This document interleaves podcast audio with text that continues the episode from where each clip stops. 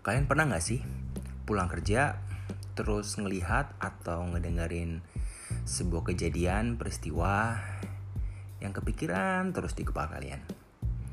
Nah, aku pengen sharing nih beberapa hal yang mungkin kejadian sepele, mungkin nggak penting juga sih, tapi it help my consciousness.